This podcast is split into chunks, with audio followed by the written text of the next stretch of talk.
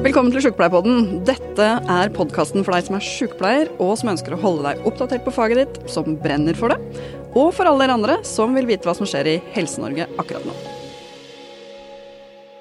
Hjertelig velkommen til en ny episode av Sjukepleierpodden. Jeg er Silje Nøstvik og er sjukepleier, nestleder i Sykepleierforbundet. Og som jeg sier i anlednings dagens episode, eh, nerdete opptatt av ledelse. Og har en master i, i, ledelse og er utrolig glad for å ha med meg to veldig kompetente folk til å snakke om dette viktige temaet i dag. Nemlig eh, forbundsleder i Norsk Sykepleierforbund, leder for eh, 120 000 eh, sykepleiere, Lill Svaresdatter Larsen. Hjertelig velkommen. Du skal være med i alle episodene, så vi, på et eller annet tidspunkt skal vi slutte å si hjertelig velkommen, men jeg syns det er så hyggelig å introdusere deg. Så har vi med en, eh, det jeg vil si er en ekte ekspert som har studert eh, ledelse i årevis, og som underviser i det også. Det er eh, Leo Kant, klinisk psykolog og spesialist på ledelse og krisehåndtering. Hjertelig velkommen til deg også, Leo. Ja, tusen takk. Veldig hyggelig å være her. Så bra. Og du har, så, du har en veldig nydelig dialekt. Kan ikke du fortelle hvor du kommer fra først? Ja, altså Jeg må jo da innrømme at jeg er flatlending fra Skåne. Det som faktisk min, eh, min bergenskone første gangen hun kom ned der og så eh, Malmö og Söderslett, så kalte hun det for det flate helvetet. ja. Eh, for der fantes ingenting, ingen landmerker, ingen fjell man kunne orientere seg etter. Kun en lyseblå himmel over hele verden. For en vestlending var det sikkert brutalt. Väldigt, väldigt. Eksotisk. Ja.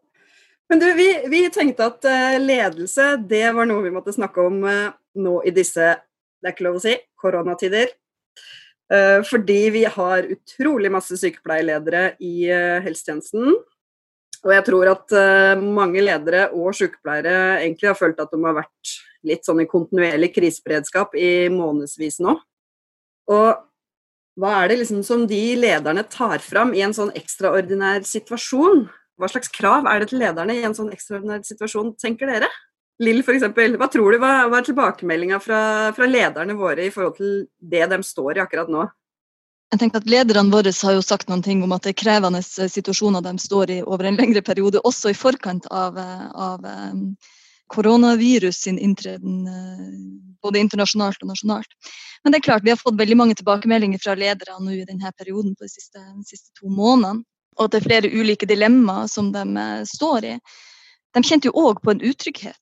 Altså når det først kom eh, til, til, til landet, altså en, en, usikkerhet både på hva slags type virus er det her, hvordan, hva eh, slags kunnskap har vi om det, hva kunne lederne også si?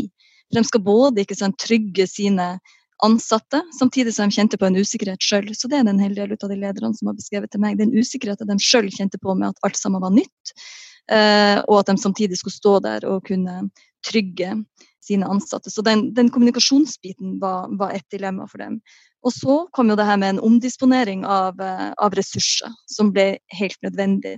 Som f.eks. anestesi, intensiv og operasjonssykepleiere som er ulike spesialfelt som nå da skulle fordi man tok ned den elektive kirurgien, så ble anestesioperasjon eh, omdisponert over til intensiv. Så det å etablere nye samhandlingsrutiner, nye retningslinjer for, eh, for behandling, for den saks skyld, også fordi at de her pasientene var det er jo det, igjen, det er ny sykdom. Selv om det gjenkjennbare trekket det, så er det, er det, en ny sykdom. Det å lage nye turnuser, altså det, mm, det, er flere ting i det. Så det med en troverdighet, det er flere av lederne som har beskrevet den troverdigheten med å liksom gå inn og se på det med, fra grunnplan, altså fra soldatene sine, sitt perspektiv. Front, frontlinja av soldater er det jo blitt beskrevet som. Det å se det derifra, men samtidig klare å skaffe seg den overordna oversikten til å både kunne vurdere administrative retningslinjer og, og kliniske prosedyrer på nytt. Og så er det jo noe med ansvar for de ansatte, eller ansvar for tjenestene. Det er jo et dilemma. Når det er en krise sånn som det her, og det var behov for flere, eh, flere helsepersonell på jobb, flere sykepleiere på jobb, det med nye turnuser med lange vakter, vi fikk eh, personell i karantene, hvor hardt kan du kjøre de som er i tjenestene. Også opptatt av at du skal sikre faglig Det er jo også lederen sitt ansvar å sikre en faglig forsvarlige og omsorgsfulle tjenester. Men opp mot Du har jo også et ansvar for dine, dine, dine ansatte. Og så er det noe som flere av dem også har tatt opp, som jeg tenker vi må ha som en evaluering i etterkant. Det er ingen beredskap for lederne. Så det at de også opplever at de jobber døgnet rundt, flere som beskriver at de faktisk jobber vakter sjøl, samtidig som de jobber på ettermiddagen med å sikre morgendagen sin turnus og morgendagen sine prosedyrer, men også det å måtte jobbe vakter sjøl. Det er ingen beredskap for lederne, det var ikke noe, var ikke noe beredskap på dem. Leo, tror du det går an å forberede seg mentalt som leder på en sånn krisesituasjon? Alltså Det är klart att det går. Alltså först vill jag bara kommentera för, egentlig forrige spørsmål. at Jeg tenker at det her er jo to ting særlig som jeg tenker er spesielt med denne krisen. Da. Altså Det ene er at sykehusverden eller helsetjenestene er jo en traumaorganisasjon. Når man ser i kriselitteraturen hvordan man definerer den typen av organisasjon, så er det der man eh, på en måte er lagt opp till att hantera det som är kriser för vanliga dödliga, Det är någonting som är jobben. och på något sätt kjente problemstillinger att det kan komma in folk eh, där det sprutar blod ut och vi, vi måste ta hand om dem umiddelbart. Mm. Det, det, är inte ukänt, det är förväntat att när jag går på jobb idag så kommer ett annat sånt att ske. Och vi har team och vi har resurser och vi har organisering och rollfördelningar och så vidare och utandning och allt för att hantera det. Det som är speciellt i denna krisen är ju att hela världen är i kaos. I tillägg så att dels som, som eh, eh Lilju eh, beskrev här med att det blir en massa rockader och ändringar innanför traumaorganisationen, alltså att du får nya roller plötsligt över en natt. Du blir förflyttad från anestesi och operation in i intensivvård eller någonting sånt. Och med massa ändringar där. Men så i tillägg när du kommer hem så kommer du ut i en värld i kaos där alla är osäkra och inte vet hur de ska bete sig och så kommer du hem och så är det någon som eh, eh, märker av den ekonomiska krisen och så vidare. och Så vidare. Så att det, det är verkligen en utfordring. Och så tänker jag det här är förhållande till att leda en sån här situation när det är de förhållandena det finns ett begrepp eh, inom ledelse som dreier seg om extra rolladfärd på engelska säger man organizational citizenship behavior. Alltså det är egentligen det lilla extra det är att pusha folk till att göra det lilla extra och göra något som det vanligtvis inte är din uppgave eller göra lite mer, längre timmar. Du snackat om turnus och så vidare här och pressa folk längre. Eller göra det med riskabla förhåll, alltså för oss eh, som är utanför hälsotjänsten och läser ju om ja, att det är mangel på utstyr och värmeutstyr och sådana saker. Att det är också att pressa folk till att göra något extra. Liksom.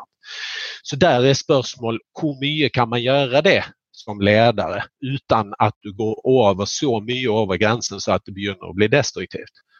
Så att du mm. börjar bli plagsom för folk eh, så att du mister tillit så att eh, särskilt när det är vedvarande kriser, alltså den långa, långa tiden detta varar. Hur kan folk hålla över tid? Då? Så det är verkliga utmaningar. Ja, men hva er, eh, hva tenker vi er, hva er svaret på det? Fordi dette her kan jo vare veldig veldig lenge. Ok, det kommer i bølger, nå er det litt roligere osv. Men uh, spesielt de sykepleierne som veldig, sykepleierlederne som jobber veldig pasientnært, på sengepost f.eks. De har jo både liksom det personalmessige ansvaret, men også det faglige ansvaret. Og hvordan klarer man den balansegangen? Å både liksom være leder, men også si at ja, men her må vi tenke på det faglige og det pasientene våre oppi det over tid. Én ting er jo liksom to uker, tre uker, men hva med ett år? Ja. ja, WHO kom väl nettopp, var det inte igår eller i förrgår, så kom det med att ja, detta kan väl vara betydligt längre än vad vi tror. Kanske är detta något vi må ända upp och leva med. Var en av WHO-potentaterna som sa att vi kanske måste tänka på det som HIV. Alltså att vi har fortsatt inte löst det. Inte, vi har funnit många måter att hantera det och liksom det har roat ner sig men det är inte ett, ett, ett, ett viruset har vi inte mm. uh, klart att besegra. Sant? Att det kan vara den typen av scenario. Då är det skickligt långsiktigt. Så här blir ju spörsmålet hur kan man eh, på en måte både fungera i sprintmodus och i en slags multipla eh, maratonlöp som är stablet ovanpå varandra samtidigt. Mm. Då är det någonting med rytm organisering, hur kan vi se till så att folk får pauser, hur kan vi fokusera och, och jobba intensivt när vi tränger det men att vi också måste ha respekt för att folk ska hålla. Eh, folk och organisationen ska hålla långsiktigt. Mm. Når vi snakka sammen før denne episoden her, eh, Leo, så sa du Kan ikke du tenke på om du har noen eksempler på en god kriseleder? spurte du meg om. Ja. Så, Ja. så, så det har jeg gjort, da. Så jeg bedt uh, Lill om å gjøre det samme. Og så tenker jeg, har jo aldri vært eh, sykepleier i det vi har hatt pandemi, da har jeg vært tillitsvalgt. Men jeg har jo eh, både jobba som leder og vært sykepleier under de der daglige krisene som du snakka om i stad. Og da tenker jeg at jeg hadde en leder som jeg syns var så ekstraordinært god. Og det var på, på Radiumhospitalet. Der eh, er det jo kreftpasienter som eh, er veldig, veldig sjuke. Og på akkurat den avdelinga jeg jobba, så døde, eh, døde det mange pasienter. Og jeg var helt nyutdanna. Jeg syntes det var veldig, veldig tøft å stå i. Så for meg som sykepleier da, så opplevdes jo det som en helt sånn daglig krise å komme på jobb og oppleve at pasientene mine døde. Ja. Og måten hun håndterte kriseledelse Hun hadde ansvar for 60 ansatte på den sengeposten. Og det jeg tenker på som hun var utrolig god på, det var struktur. Ja. Ikke sant? Hun visste, hun visste at her er det tøft å jobbe. Her kommer sykepleierne til å bli slitne. Eh, De kommer til å trenge eh, støtte og veiledning. Så det de var kjempegode på der, det var at man hadde faste samtaler. Det var ikke noe sånn de som trenger det, skal få samtale. Det var alle skal ha samtale. Alle trenger det her, på denne plassen. Og så hadde vi faste samtaler i lunsjen en gang i uka eh, med presten eller med fagsykepleier.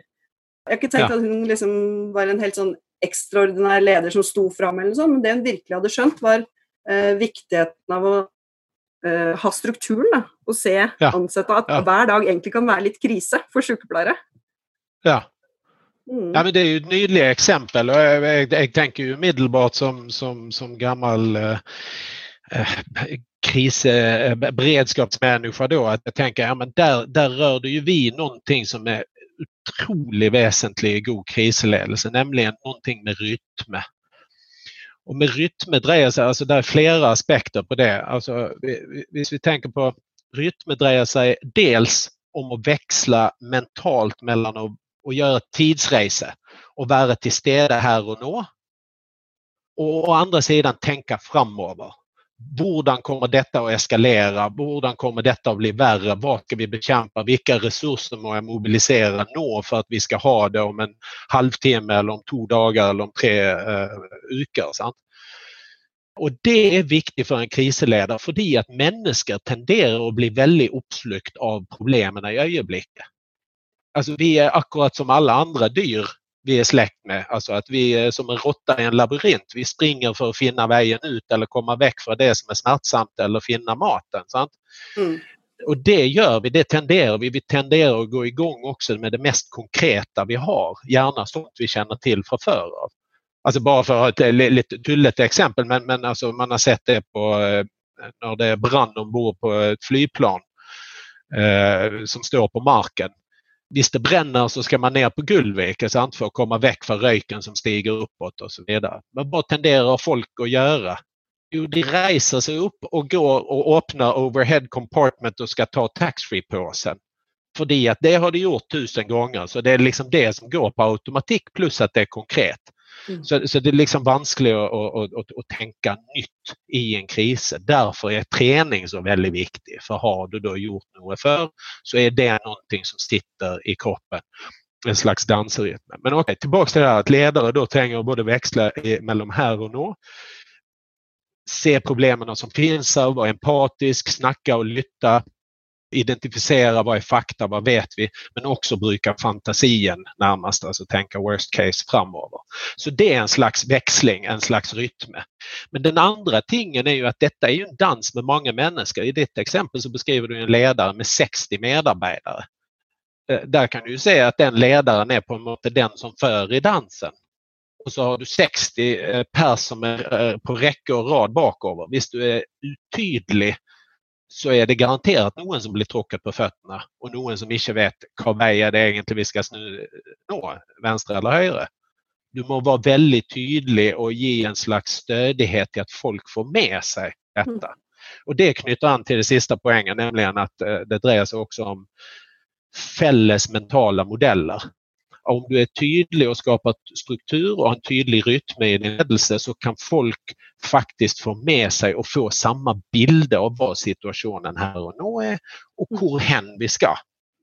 Och hvis alla har samma fälles mentala modell, då kan vi jobba samman då är det helt andra förutsättningar för god samhandling. För om vi inte får de förutsättningarna till fälles mentala modeller så löper alla efter sin egen individuella världsbild och då blir det garanterat kaos.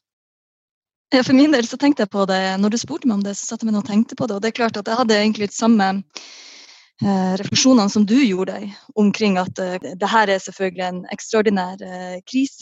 Men, men, men, det är någonting med det vi har erfart som sykepleier hela vägen. Det som erfartes som krisen när jag också var ny och ut, ung och utdannet, nyutdannet. Men jag har diskuterat det här också, också nu i den här situationen med en hel del sykepleiere. Och det, det, det vi har snackat om är ju kriseledelse egentligen som mycket av det som sykepleierne allerede kan. Att det är det roen. Sant? Det som Leo prater om som en, som en rytme, det har, det har jeg pratet om som ro. Eh, når du er inne hos en pasient f.eks., så vet du at du har ti andre pasienter som, eh, som, venter, men du er også veldig klar på Når du er erfaren nok, når du, eh, når du, har trent mange ganger nok, vet du også at du må ha en ro inne hos pasienten der du er. Det samme er det jo for en leder. Du vet at det brenner mange plasser, men du må ha ro sånn at du leder i riktig retning. Og det å kunne faget sitt, det å være kompetent igjen, det trengs trening til for å være kompetent. Men det betyr at du vet hva du snakker om. Du har både en oversikt, ikke sant, det store bildet, men samtidig en nærhet til at du vet hva som både fungerer, hva slags tiltak som må gjennomføres, og når. Ikke minst hvem er det du skal ha med deg for å klare å gjennomføre de her tiltakene. Det å holde på en plan, setter seg en plan. ikke sant? Du vet Når du kommer på ei vakt, så setter du deg ned og lager en prioriteringsliste over de tingene, det arbeidet du skal gjøre. Det er en plan. Men du skal samtidig også kunne snu deg fort når du kommer inn en ny pasient, eller det skjer noe med pasienten som du ikke nødvendigvis hadde forutsett. Det er jo sykepleierprosessen, det å være systematisk ikke sant, med både de målene vi setter, men eh, gjøre observasjoner, analyser og nye tiltak og evaluering som gjør det å føre til nye mål. Så det å holde på en plan, men det å kunne snu seg fort også. Og det siste det med, å, det med en formidlingsevne også. Det å kunne sette håp i folk. For at enhver krise Krise betyr jo egentlig bare mulighet. Enhver krise er en mulighet til noe annet. Vi snakker om å komme tilbake til det normale. Det normale er noe annet i etterkant av en krise. Så det å sette håp i folk og kunne motivere til, til aktiviteter, og det er jo òg noe som sykepleiere kan. Motivere, altså motivasjon av pasienter. I det så ligger det jo i det med tillit. Både det å gi og få tillit er helt nødvendig. Det som Leo prater om, som, som jeg hører som en sånn felles virkelighetsforståelse. Skal du få pasienten med deg på tiltakene du tenker er riktig, for, riktig og best for pasienten, så må du skape en felles virkelighetsforståelse. Du må forstå hvor pasienten er, forstå, og pasienten må forstå hva, hva det er slags kunnskap vi har som sykepleiere. Og så må du ha en opplevelse av at det faktisk er nødvendig å samhandle på akkurat denne måten for å få det til. Og så er det det siste som er med administrative de ressursene, administrative koordineringstiltak. Eh, som også selvfølgelig en leder. Skal du ha en god kriseleder, så snakk om ro. Det å kunne faget sitt, være kompetent. Det å holde på en plan, men kunne snu seg fort. Sette håp i folk og motivere til handling. Og selvfølgelig ressurser nok til å kunne iverksette dem. Um, ja. Så for meg, så når jeg har tenkt på kriseleder, så har jeg egentlig tenkt sykepleierprosess. Og det, vi, det sykepleiere kan, i grunnen. Ja, ja. Var det et nytt perspektiv ja, eller uh, psykologkant? Sykepleierprosessen? ja, nej, ja, nej, det, jag är helt med på den. Jag tycker det är mm. väldigt gott och också likar eh, ingångsordet du brukar Lill med ro. Det är jätteviktigt. Eh, vi ser ju att ledare som klarar av att att det är naturligt har en ro eller att det är flinka på hantera sina egna födelser mm. Eh, för att bevara en ro för just för det, för, för det att det är så viktigt i mötet med andra människor, särskilt för människor som är bekymrade eller oroliga. Eh, men så, samtidigt så blir jag nykär på ja, vad är det som är utfordrande? Du sa inledningsvis Silja med att Nej, ursäkta. det var Lill som sa det med, i, i, till att eh, eh det är ikke ledarna har blivit tänkt på så mycket. eh, nå.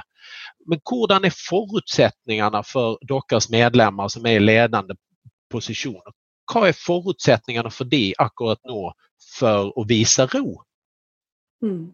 Ja, det tror jag är en, kämpe, det tror jag är en kämpeutfordring. eh, til vanlig. Altså, vi har utrolig mye dyktige ledere, og når vi spurte sykepleierne Vi hadde en eh, undersøkelse om de, om de, var fornøyd med lederne sine, så var, svarte jo de aller fleste det, at de, at de, var det. Og det var tre ting de trakk fram. Tydelighet, åpenhet ja. eh, og god dialog. Ja. Så er jo de fleste ledere veldig dyktige, men vi har jo, eh, som alle andre, så har vi vel alle også eksempler på ledere som kanskje hadde trengt Eh, litt faglig oppdatering på faget sitt, men så er jeg også usikker noen ganger på om det sånn, Jeg har en master i ledelse, men jeg, tror, jeg er ikke sikker på om jeg har brukt veldig mye av den masteren i mitt lederskap. Det handler jo vel så mye om personlig egnethet, er min følelse av det. At det handler så mye om det der mellommenneskelige relasjonen, da. Det er en personlig erfaring av det, i hvert fall. Hva tenker du, Lill? Noe er jo selvfølgelig intuitivt, det som du kaller en mellommenneskelig relasjon, men samtidig så vi er jo lærendes vesen. Så eh, jeg håper både du og jeg og andre lærer av den, den teorien vi har. Jeg syns det hjelper med å sette knagger på, som f.eks. teori om kriseledelse eller teori om verdibasert eh, ledelse, som jeg liker å bruke. Så er det jo knagger til de refleksjonene jeg gjør om hvordan jeg da skal, skal være i, i, i andre arenaer til spørsmålet fra Leo om forutsetninger til ro, så, ja. så er det en, det er en utfordring det, er ikke en beredskap som er starta med å si noe om. Det er, noe, det, det er dem. Eh, ja. Og de opplever på det laveste nivået som ledere, så opplever de i varierende grad å bli tatt med på den overordna informasjonen og strategiene som blir lagt. Så det betyr at De har ikke nødvendigvis en felles virkelighetsforståelse av hvor man skal, ja. men samtidig skal de formidle den til sine ansatte. Så det er nettopp det dilemmaet mellom de ønsker virkelig å ivareta sine ansatte, og samtidig så opplever de et press fra et overordna nivå. Så forutsetninger for ro krever jo nettopp den treninga, den kompetansen og den oversikten. Og hvis du mangler den, så, så er det problematisk. Mm. Ja, jeg, jeg, tenker at det er veldig viktig. At, at, er det noen men, mennesker som er mer eller mindre egnet som leder? og sånt? Jeg tenker at det er Eh, hvis du tenker tre reglasjer, altså sånn som en gammel equalizer Jeg er jo mm. ikke noen lydtekniker, men der man kan skyve det litt opp og nedover. På den ene, og så har du den andre, og så har du den tredje. Så har du en som dreier seg om person, en som dreier seg om eh, eh, trening, og en som dreier seg om situasjonsforhold. Og i situasjonsforhold så har du organisasjonen, eh, ledelsen, ressursene, du har medarbeiderne, altså hvilket lag du har. Men på personsiden, ja da, noen er kanskje eksepsjonelle personer som både er intelligente og uh, har ro, på en måte emosjonell liksom, tilstedeværelse og er empatiske og flinke på å kommunisere med folk, på en måte er født med det. Ja da. Men min erfaring og all forskning viser at det er jo bare et spørsmål om hvor mye eh, dårlige situasjonsforhold du skal dyvle på med, så mm. kan du sette ut hvem som helst. Altså, det, det, det fins liksom ingen som er superhelt sånt sätt att man är lagd av stål och kommer från en annan planet och, och, och, och så vidare. Så man, kan vara, man kan ha väldigt goda förutsättningar men du kan sätta ut vem som helst eh, visst du pressar det hårt nog. Så därför är det ju kämpeviktigt dels att man jobbar nu, alltså apropå vi snackat om en vedvarande situation som kanske bara är eh, år eller till och med många år. Då är det ju extra viktigt att man klarer av å se over organisasjonen. Hvordan skal man fungere sammen? Hva skal operative ledere ha for forutsetninger oppifra i organisasjonen? Støtte fra samfunnet. Hvordan skal man organisere sammen med lag? Mm. Uh, og Der er det jo både permanente lag, men også nu, som, som, vi begynte med å snakke med, at det er sikkert veldig mange midlertidige nye lag som er etablert og kanskje må reetableres gang på gang på gang fordi at noen blir syk eller detter ut eller, uh, eller man trengs på en annen plass og så må man reetablere. Så denne kunsten med å etablere lag mm. kjapt og effektivt. Hvordan kan vi forme et lag? Hvordan dere som jeg ser for første gangen og snakker med for første gangen, hvordan kan vi skape en kjapp tillit? Det är ju sånt för exempel som vi jobbar med när vi, vi tränar och gör eh, inkluderat sådana här kortprogram i krisledelse. Alltså att vi går igenom någon av de dansetrinnen eller eh, skritten man kan göra som ökar minsta nivån väldigt snabbt. Jeg liker veldig godt måten du, eh, måten du, snakker om dans på. Jeg ser det for meg også sånn, sånn i en sånn sykepleiersammenheng. Ja, men det som du har trent på La si at du har trent på Jeg tenker bryllupsvals. Ja, ja, ja. ja, ja, ja. Men da trente vi jo bitte lite grann på det her, ikke sant? Og så skulle vi da i gang, og det gikk noe så der. Men kan dere forestille dere hvis de da hadde satt i gang med ganger ti i takt? For det er jo egentlig ja. det som skjer også. for Det er en ting at du har trent på, og det her er jobben som både sykepleiere og sykepleierledere gjør, men så setter du farta opp ganger ti. Ja, ja. Altså, alt skjer så innmari mye raskere nå. Både når vi snakker om disponering av ressurser, de timene som må settes, den tilliten som er nødvendig. Og så skal du ha ro oppi det her, og så skal du danse i polkatakt eller vad det än måtte vara. Ja, ja, gärna. Alltså, som ledare så har du kanske flera danser som är gående samtidigt. Mm. Om vi ska göra det bilden ända mer absurt så har du kanske någon som gör någon impressionistisk dans eh, på ett städ. Så har du en hysterisk riverdance gående med ett gäng då som ska i höjd takt hålla på med det. Och så ska du göra något väldigt långsamt med en annan som har behov av att roa det ner. Och det ska du göra då som ledare, stå i mitten och på något sätt dansa alla rytmerna på en och samma gång eller kjapt växla mellan det. Så då er det... Søkkende imponert over den dansen som eh, sykepleierlederne eh, gjør eh, for tida. Og det er klart det har hatt stor betydning for muligheten til å bremse viruset, sånn som, sånn som, sånn som ja. nasjonen Norge har klart. Men det er jo sykepleierlederne som i all hovedsak som har gjort den jobben med å disponere ressursene annerledes. Ja. Jeg tenkte at uh, Lill, du som uh, i går så fikk jeg en snap, snap av deg, jeg vet ikke om det er lov å si, men jeg sier hvor, hvor, du sa sånn Silje, har du tenkt på at det, det kan hende det er vi som er dårlige ledere? For da hadde vi diskutert noe som vi liksom tenkte at hvordan skal vi løse dette da? Og så sa du kanskje det er vi som ikke har skjønt hvordan vi skal gjøre det her. Og det, klart, ja, det slo vi jo fra oss med en gang. Og det slo vi fra oss med en gang. Men jeg tror det aller viktigste med, det som jeg, som jeg, liker veldig godt med din lederstil, da, det er det at du bruker humor. Ja. Det å bruke humor i sånne situasjoner som vi er i, er i nå Det var jo ikke en seriøs snap, altså det var ironi. Og det tenker jeg ja, ja, er utrolig viktig. Uh, man løfter seg liksom litt og ser seg sjøl litt fra utsida og klarer å ha litt sånn ironisk distanse til det. Og så når jeg googla deg, eller gjorde research på deg, Leo, så ser jeg at du har vært veldig opptatt av humor uh, og ledelse. Ja da. ja da. Altså, jeg, jeg, jeg, begynte jo min nysgjerrighet med, med, altså innenfor forskning og så med destruktiv lederatferd, særlig i forbindelse med operativ kriseledelse. Da, mm. brennende oljeplattformer og den slags. Da. Men så har det på en måte nysgjerrigheten ekspandert til at eh, dreier seg om flere typer av sosial grenseatferd alltså där man bryter någon slags gränser, man går lite över gränsen. Och, eh, alltså alla är eniga att om, vi, om du som ledare bedriver folkmord så är du en destruktiv ledare. Men de allra flesta gör ju inte det. Eh, utan det vanliga dödliga ledare som vanligtvis eh, av de flesta blir beskrivet som goda ledare. Så varför är det då att man går över streken ibland? Och där sklej mig och professor Elisabeth Norman in på humor av alla ting. Fordi att humor verkar fungera lite på samma måte. Och då skrev vi bland annat en forskningsartikel eh, publicerat eh, juni förra år då i Frontiers in Psychology så skrev vi eh, You must be joking. Eh, där vi bland annat anlade eh, eh, humorteoriperspektiv också på ledelse och så vidare. Nu håller vi på att skriva en ny artikel på det. Så, eh, det är ett intressant spörsmål. Och jag tänker att humor i kris är jätteviktigt. Mm det, det, är ju en måte att skapa pauser. Det är en eh, måte att, att eh, ta väck fokuset från det som kanske spiser oss upp eh, med, med energikrävande arbete och angst och, och, och, så vidare. Alltså att vi får pauser. Eh, att vi kanske skapar den här lilla mänskliga kontakten mellan två personer, en ledare och en medarbetare eller innanför laget att vi kan flira lite åt någonting.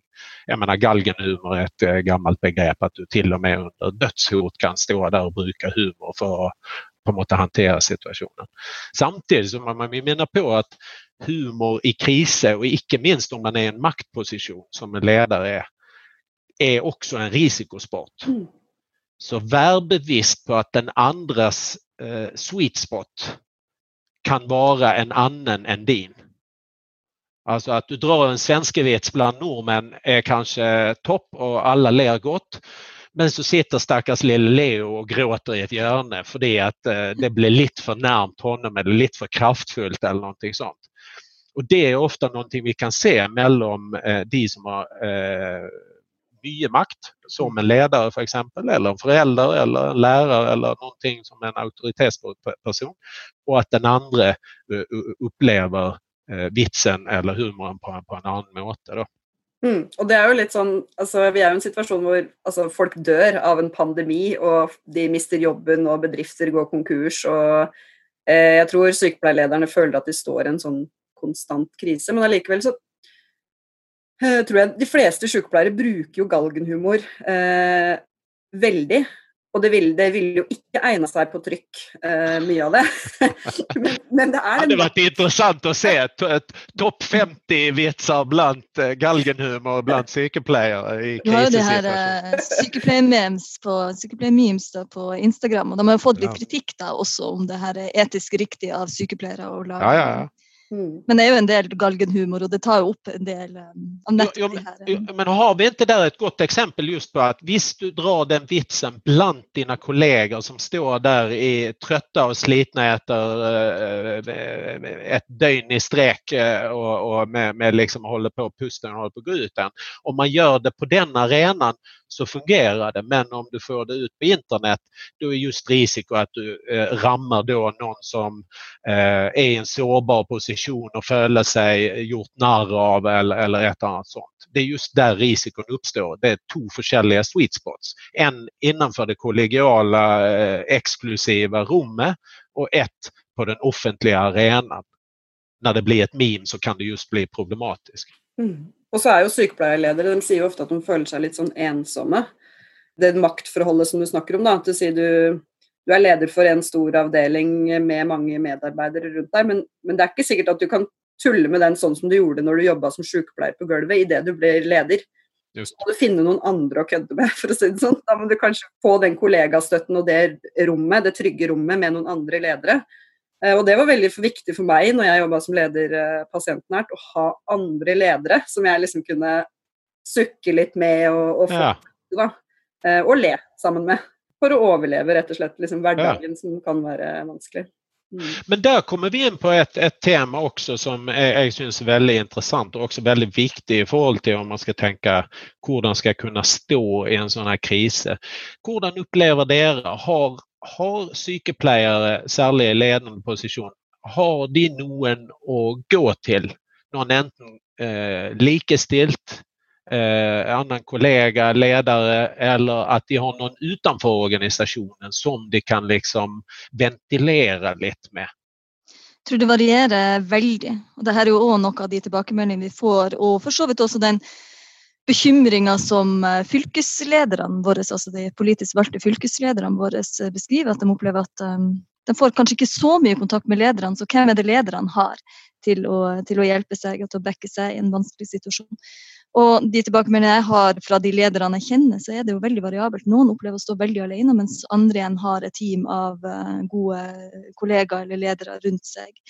Vi har jo også faggrupper da, for, eh, for, ledere, som jeg da prøver å ja. få, få, lederne våre til å, til å, være med. For det er klart at det er en, det er en viktig arena nettopp for, for sykepleierlederne. Det å kunne ta opp de tematikkene som er relevant for, for dem i et, i et lukka forum. Ja. Og der har jo den faggruppa for sykepleierledere, de har jo nå sammen med AFF, eh, hvor du jobber, Leo, ja. så har dere planlagt et eh, webinar om kriseledelse. Ja. Kan ikke du si litt om det? Jo, eh, det är, det först och främst må jag säga att det är väldigt begärande att bli eh, bett om att samarbeta för att utveckla en, en, en sån sak. Det är, det är en stor heder att kunna stötta så viktig eh, profession som dockor utgör. dockors medlemmar som står i frontlinjerna i denna gigantiska eh, globala kriser. Då. Så det, det är verkligen käckt att kunna bidra bitterligt eh, visst det kan göra att dockor finner dansetrinnen lite tryggare eller klarar av att samhandla bitterligt bättre så, så är det ju en kämpeting. Eh, alltså detta eh, som vi har eh, utvecklat samman med, med Norsk Sykepleierforbund eh, är då ett kortprogram i krisledelse så det är en serie med fyra moduler. Två timmar långa eh, så det modul 1 är två timmar, modul 2 är två timmar och sen och så vidare. Då har vi första två modulerna går nu i maj respektive juni och så kommer det i september och oktober så det blir ett löp här. Och då blir det då möjligt att mälla sig på eh, där fyra alternativa ukedagar man kan mälla sig på. Mäller man sig på måndagen så följer man måndagscyklusen eh, genom de fyra modulerna. Tar man tisdagen så följer man den vidare. Och då kommer vi att se på någon av eh, vad ska man säga, noen essentiella dansetrinn. Vi hoppas att det blir en grej eh, kombination av teori och praxis. Alltså mm. Eh, att vi får någon knaggar som Lill sa, någon knaggar att hänga upp det vi allerede känner till eller vi upplever. Mm. på någon teoretiska knaggar men att vi också får då ett par dansetrinn som vi kan testa ut Eh, och bruka eh, så, få in i vår vardag så enkelt som möjligt då, så att det inte ska vara någon hokus pokus. Och då har vi eh, det här programmet, där har vi det första samlingen drejer sig om olika kriser och mental förberedelse. Så på en måte är det, ja, när krisen allerede har kommit, så är det väl så dags att snacka om mental förberedelse. Men som vi har diskuterat här nu så är det nästan högst sannolikt att situationen kommer att ändra sig. Mm. Så Det är faktiskt en poäng att begynna mentalt förbereda sig för nästa ändring i förlöpet som kommer. Och det kommer ju alla andra kriser också. Det är ju inte bara covid-19 vi snackar om utan det kan ju plötsligt uppstå något nytt mm. och utväntat. Det är ju krisens natur. Eh, samling 2 dreier sig om eh, mobilisering av kriseledelsesteam. Mm. Och då är det just vad kan jag göra för att snabbt etablera ett team? Hur ska, kan jag fördela roller? Hur är några eh, principer för proaktiv samhandling? Tredje samlingen dreier sig om samhandling och ledelse på tvärs. Och då lever vi i komplexa organisationer eh, både internt innanför eh, psykehus för exempel, men också i samfundet med många andra aktörer där man må, må eh, samhandla med. Så hur kan man göra det då? Och så den fjärde och sista är, eh, dreier sig om temat krisekommunikation. Mm. Och krisekommunikation kan vara både externt, alltså om man är uppe på strategisk nivå i toppen av en organisation så ska man kommunicera med media och, och, och den slags eh, pårörande eller vad det än må vara. Men det kan ju också vara en intern kommunikation. Hur ska jag kommunicera med medarbetare, vanskliga besked eller den slags. Ja. Mm. ja, det høres utrolig spennende ut. Altså. Det her tror jeg utrolig bra initiativ fra faggruppa for sykepleierledere. Og det er uh, litt sånn at vi Dette er en gruppe som vi ønsker å knytte litt nærmere til oss. Det kan jo noen ganger være litt komplisert for ledere å liksom føle tilhørighet til en fagforening, men vi tenker at de er helt naturlige i en sånn sterk profesjonsorganisasjon som, som NSF er. Jeg er særlig opptatt av det med krisekommunikasjon. Ja. fordi at eh, det, det, som vi har sett her nå, er jo det enorme informasjonsbehovet blant folk flest. Eh, ja. Men også blant våre medlemmer og for så vidt sykepleierledere også, men særlig blant medlemmene. Så jeg vil anta at sykepleierlederne har kjent på et sånn sterkt behov for å informere ut om noe du egentlig ikke helt kanskje har helt oversikten over. Det enorme ja. informasjonsbehovet. Men så er det òg det her med formidlingsevne. Altså I krisekommunikasjon så er det òg det formidlingsevnen. Og hvordan trener man på det? For det er jo én ting det med den informasjonen du har, og det å kunne formidle en fakta. Ja. Hvordan trener du på den formidlingsevnen? Evnen. For det å sette håp i folk, og samtidig ja. opptre med ro og kompetanse. Och realism. Ja. Ja, ja. Nej, men jag, jag tänker att det, det, alltså det, det, är ju sånt som man kan eh, ägna ett helt liv åt och mm. förfina. Exakt? Jag menar i antikens Grekland så var det stora retoriker sant, som ägnade hela sitt liv till att bara förfina konsten att kommunicera. Mm. Och det drejer sig allt för förarbete, vad, är mitt budskap och bara veta vad mitt budskap är ju liksom punkt en.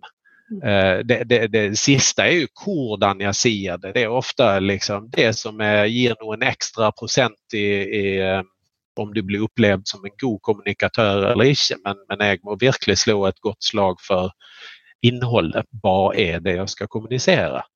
Det är en ting.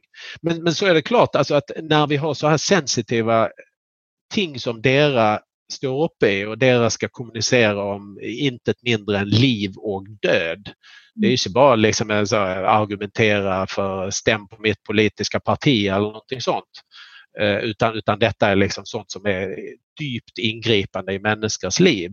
Mm. Och också då inkluderat eh, medarbetarna som jobbar med dessa ting. Jag menar, du Silje, du beskrev ju när, när du var på jobb och, och där liksom folk går och dör mm. eh, på mm. jobb. Det är inte en liten ting för ett normalt empatiskt människa som eh, gärna vill göra något gott här i världen. Alltså det, det, det rammar en dypt. Så där blir ju just med kurdan kan jag möta folk på en god måte? Kurdan kan jag tona in eh, till där de är för exempel emotionellt eller i förhållande till sin uro och så vidare. Men det går att träna på. Träning hjälper otroligt mycket. Och det kan vi säga, det kan vi lära oss från de gamla eh, retorikerna, alltså en sannhet från, från 2000 år tillbaks i tiden, är att det är i princip ingen som är född till en god retoriker eller kommunikatör, om vi nu snackar om det, en krisekommunikatör, utan det blir man genom träning. Mm. Det blir man genom träning, så träning hjälper. Träning hjälper. Mm. Träning og det er det som jeg også har tenkt på. Mm. Det å tenke at formidlingsevne er faktisk også trening. Det er ikke bare Noe kan du ha intuitivt, men det er faktisk trening. Ja, ja. Og da tenker jeg også for, for ansatte. Det å ha en en raushet til sin sykepleierleder om at sykepleierledere kan heller ikke alt. Og det er en trening også for dem. Det, det å stå i en situasjon som det her, så har man kanskje kommunisert ja. noe som ikke var ja. helt på høyde, men det er faktisk en, man bør ha en raushet også for dem. Tillegge hverandre gode intensjoner er jo alltid et bra utgangspunkt. Ja, ja, men bara för att ta, ta upp det du sa nu eh, Lill, det här med att, att medarbetarna, alltså där, jag tänker det är två aspekter som är kämpeviktiga eh, i, i förhållande till krissituationer. Att medarbetare spillar sin ledare god eller dålig. Medarbetare har ganska stor makt av att påverka just sin ledare i god rättning eller dålig rättning. Mm. Så tänk på gott medarbetarskap är väl så viktigt som gott ledarskap. Eh, det är inte att ledaren gör några magiska ting och så löser sig alla problem utan det är medarbetarna som skapar sin ledare också. Det är den ena aspekten. Och väldigt intressant forskning, alltså just innanför kris, alltså eh, krisledelse, som kom, eh, en studie som kom 2019 Carrington och kollegor. De såg på det här, jag nämnde det här begreppet med fälles mentala modeller. Exakt? Någonting som är kämpeviktigt i en krissituation, att vi, att vi har en fälles mental modell för att vi ska då klara av att samhandla och lösa krisen och göra eh, tilltag som inte går på tvärs mot varandra, sant? att vi motarbetar varandra. Mm. Det som Carrington och kollegorna fann empiriskt stötte för var att särskilt över vedvarande kriser så utvecklar sig de fälles mentala modellerna gärna nedifrån upp, mm. inte uppifrån ned. Och poängen här är ju just som du ser att medarbetarna må kommunicera med sin ledare. För sannolikheten är nog när krisen har vedvarat en stund att de faktiskt begynner att etablera en fälles mental modell av särskilt kring lösningar, fungerande lösningar som ledaren tränger att känna. Mm.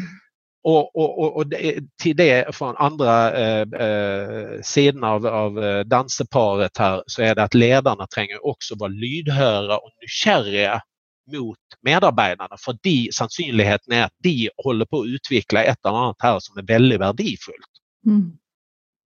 Det var en väldigt god uppsummering. Jag tänker vi må uh, träna och dansa och så vidare. Och så har uh, ledare som är medlemmar i Norsk Sjukepleierforbund och tillitsvalgte möjligheten till att bli med på detta webbinariet och det vill komma mer information om. Men tusen hjärtligt tack för den här väldigt fina samtalen. Tack själv. Själv tusen tack. Väldigt stor pris på. Och så har jag bara lust til å si helt till slut att uh, neste uke så ska vi snacka om sykepleieren som samfunnsdebattant. Och i den förbindelse så har vi fått besök av journalist, författare, samfunnsdebattant och sykepleier Ingeborg eh, Senneset. Så då är det bara att glädja sig. Tusen tack.